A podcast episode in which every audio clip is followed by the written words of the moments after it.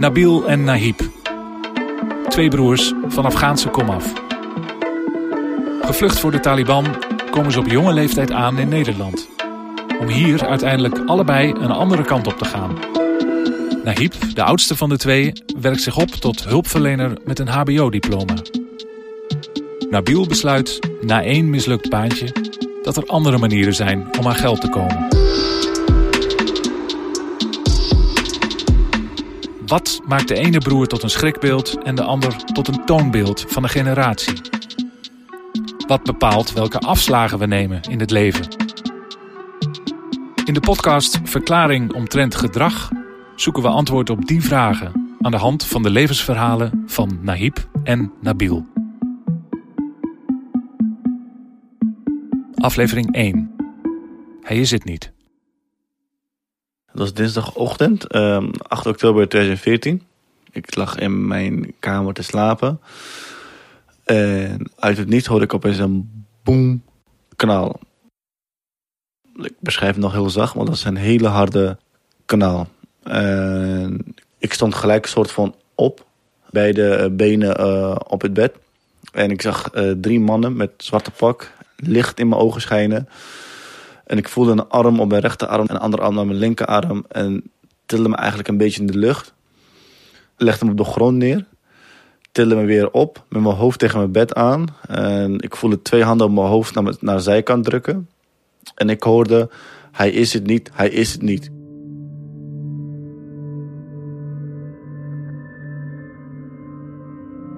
Ik werd opgetild en toen kon ik vrijheid praten. Wat is dit? Wat gebeurt er? Uh, wie zijn jullie? Heb je dit ook met mijn moeder gedaan? Ze begon te schreeuwen. En toen was ze nee, want we wisten waar je ouders sliepen. Alleen tussen jullie twee twijfelen we nog. Dat werd gezegd terwijl ik langzaam via de gang naar de woonkamer werd gebracht. En toen zag ik, is, is politie. Mijn kamerdeur ging open. Die man naar binnen komen. Ik zag er eentje. En toen ik hem zag en ik zag dat hij in zijn eentje kwam in mijn kamer, wist ik zeker dat ze met z'n vijven in zijn kamer waren. Want in een van doen ze nooit één persoon naar de kamer van de verdachte. Het is altijd, er gaat bijna een heel team naar zijn kamer als zij weten dat hij daar slaapt. Dus uh, hij kwam in zijn eentje mijn kamer binnen en hij zegt mij, ja, aan in de lucht gaan maak je geen zorgen. Ik, ik, ik, loop gelijk met jullie mee. Maar doe mijn vader en mijn moeder doen ze niks. Want ik weet hoe mijn moeder slaapt. En ik weet gewoon, als zij zo haar kamer gaan inkomen... dan ben ik gewoon bang dat ze een hartverzakking gaat krijgen. Zo. Maar gelukkig hebben ze mijn vader niet, niet aangepakt. Mijn moeder eh, niet aangepakt. Ik werd in de woonkamer neergezet en dat was mijn vader, mijn zus en moeder waren er al. Mijn nichtje sliep bij mijn zus in haar kamer. Dus mijn nichtje, het was 16, die heeft het ook meegemaakt, jammer genoeg. Ik sta op in mijn kamer, vraag aan die man uh, of hij mijn uh, trui mee kan geven, want het was best wel koud. En of ik mijn slippers kan aantrekken. Ik mocht dat allebei doen. Ik kreeg een doek over mijn hoofd heen. En uh, ja, ik, werd naar buiten meegenomen. Ik werd in een politieauto neergezet. En ik hoorde mijn zus, uh, zij wist wel gelijk dat het door mij kwam. En ik hoorde haar nog roepen van, uh, Nebil, wat heb je gedaan?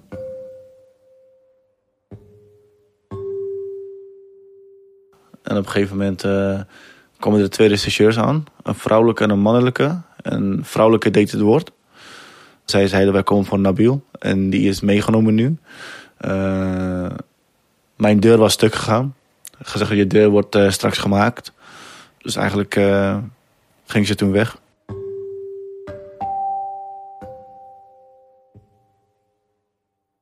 Mijn moeder zat nog een beetje rond te kijken van wat gebeurt allemaal. Het was alsof ze net in de wereld kwam. Zo verbaasd keek ze om zich heen. Wat gebeurt er? Wie zijn dit? Wat gebeurt allemaal? Toen heb ik haar uitgelegd. Ze kwam voor Nabil en ze wilde gewoon niet geloven. Dat kan niet. Hoe kan dat? Uh, ik heb gewoon verteld dat het Nabil is en wat het is, weet ik niet. Zij vroeg, wat heeft hij gedaan, wat heeft hij gedaan? Dus ik zeg, dat weet ik niet, maar ik denk wel dat hij iets gedaan heeft wat niet kan. Ze doen niet zomaar een inval, dat ging in mijn hoofd. Je doet niet zomaar een inval voor iets kleins of zo. Ze waren wel heel goed voorbereid. Hadden het niet opgemerkt, maar ze hebben om de hele buurt hadden ze nog uh, undercover auto's uh, neergezet. Voor het geval ik via mijn raam of ik sliep opeens in mijn moeder de kamer, zeg maar, dat ik via daar dan wegging. Uh, aan haar houding zag ik vol dat ze wist dat hij het was, maar ze, ze wilde gewoon niet geloven dat hij het was, zeg maar. Dus daarin bleef zij soort van in een dilemma. En ik bleef wel soort van bij mijn standpunt, zeg maar. Maar ik wist ook dat ik ook spullen die ik de ochtend daarna wou uh, weggooien in mijn kamer had. Ik had een wapen in mijn kamer en de kleding waarmee het is gedaan.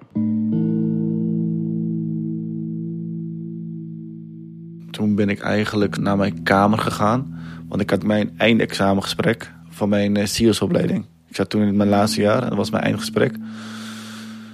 Dus ik moest gelijk door. Ik kon het gesprek niet missen, ik moest gelijk door. Ik ben naar school gegaan. Dat was mijn stagebegeleider mijn studieloopbaanbegeleider. Iemand van de examencommissie gingen we zitten. En er kwam weinig tot geen woorden uit mijn mond eigenlijk. En ik zag dat mijn stagebegeleider ook naar mij aankeek van... Ga jij nog wat zeggen? Gaat er nog... een ik heb wel nog wat kunnen zeggen, maar niet zeg maar uh, in lange zin of iets.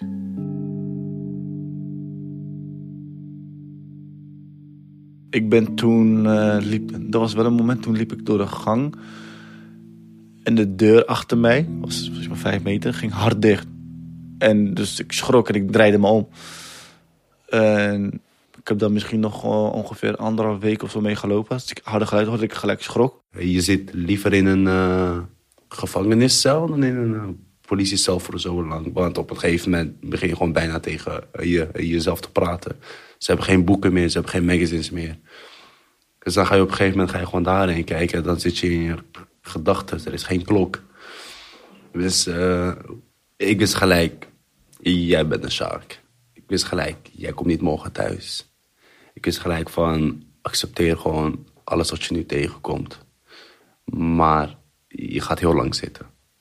Daarom was ik ook zo bang dat ze elke keer hier zo kwamen. Ik wist gewoon, als ik word gepakt, ga ik voor een hele lange tijd zitten. Wij hebben toen als familie, vooral mijn zus dan, die heeft het soort van opgepakt uh, van, uh, oké, waar is hij? Uh, waar is hij? Mijn zus was zeg maar degene die heel veel contact met hem opnam en ik nam mee contact. Dus wanneer zij beelden, praat ik mee. Ik heb niet uit mezelf hem geweld of wilde contact zoeken of iets. En dat kwam voornamelijk omdat ik echt boos was op hem. Dat hij dit ons heeft aangedaan, zeg maar. Vooral mijn moeder en mijn ouders. Ik moest hem nog een soort van verwerken of zo. Ik was nog niet zeg maar van... Uh, kom maar gelijk weer in mijn armen of zo. Je luisterde naar de eerste aflevering van de podcast Verklaring omtrent gedrag.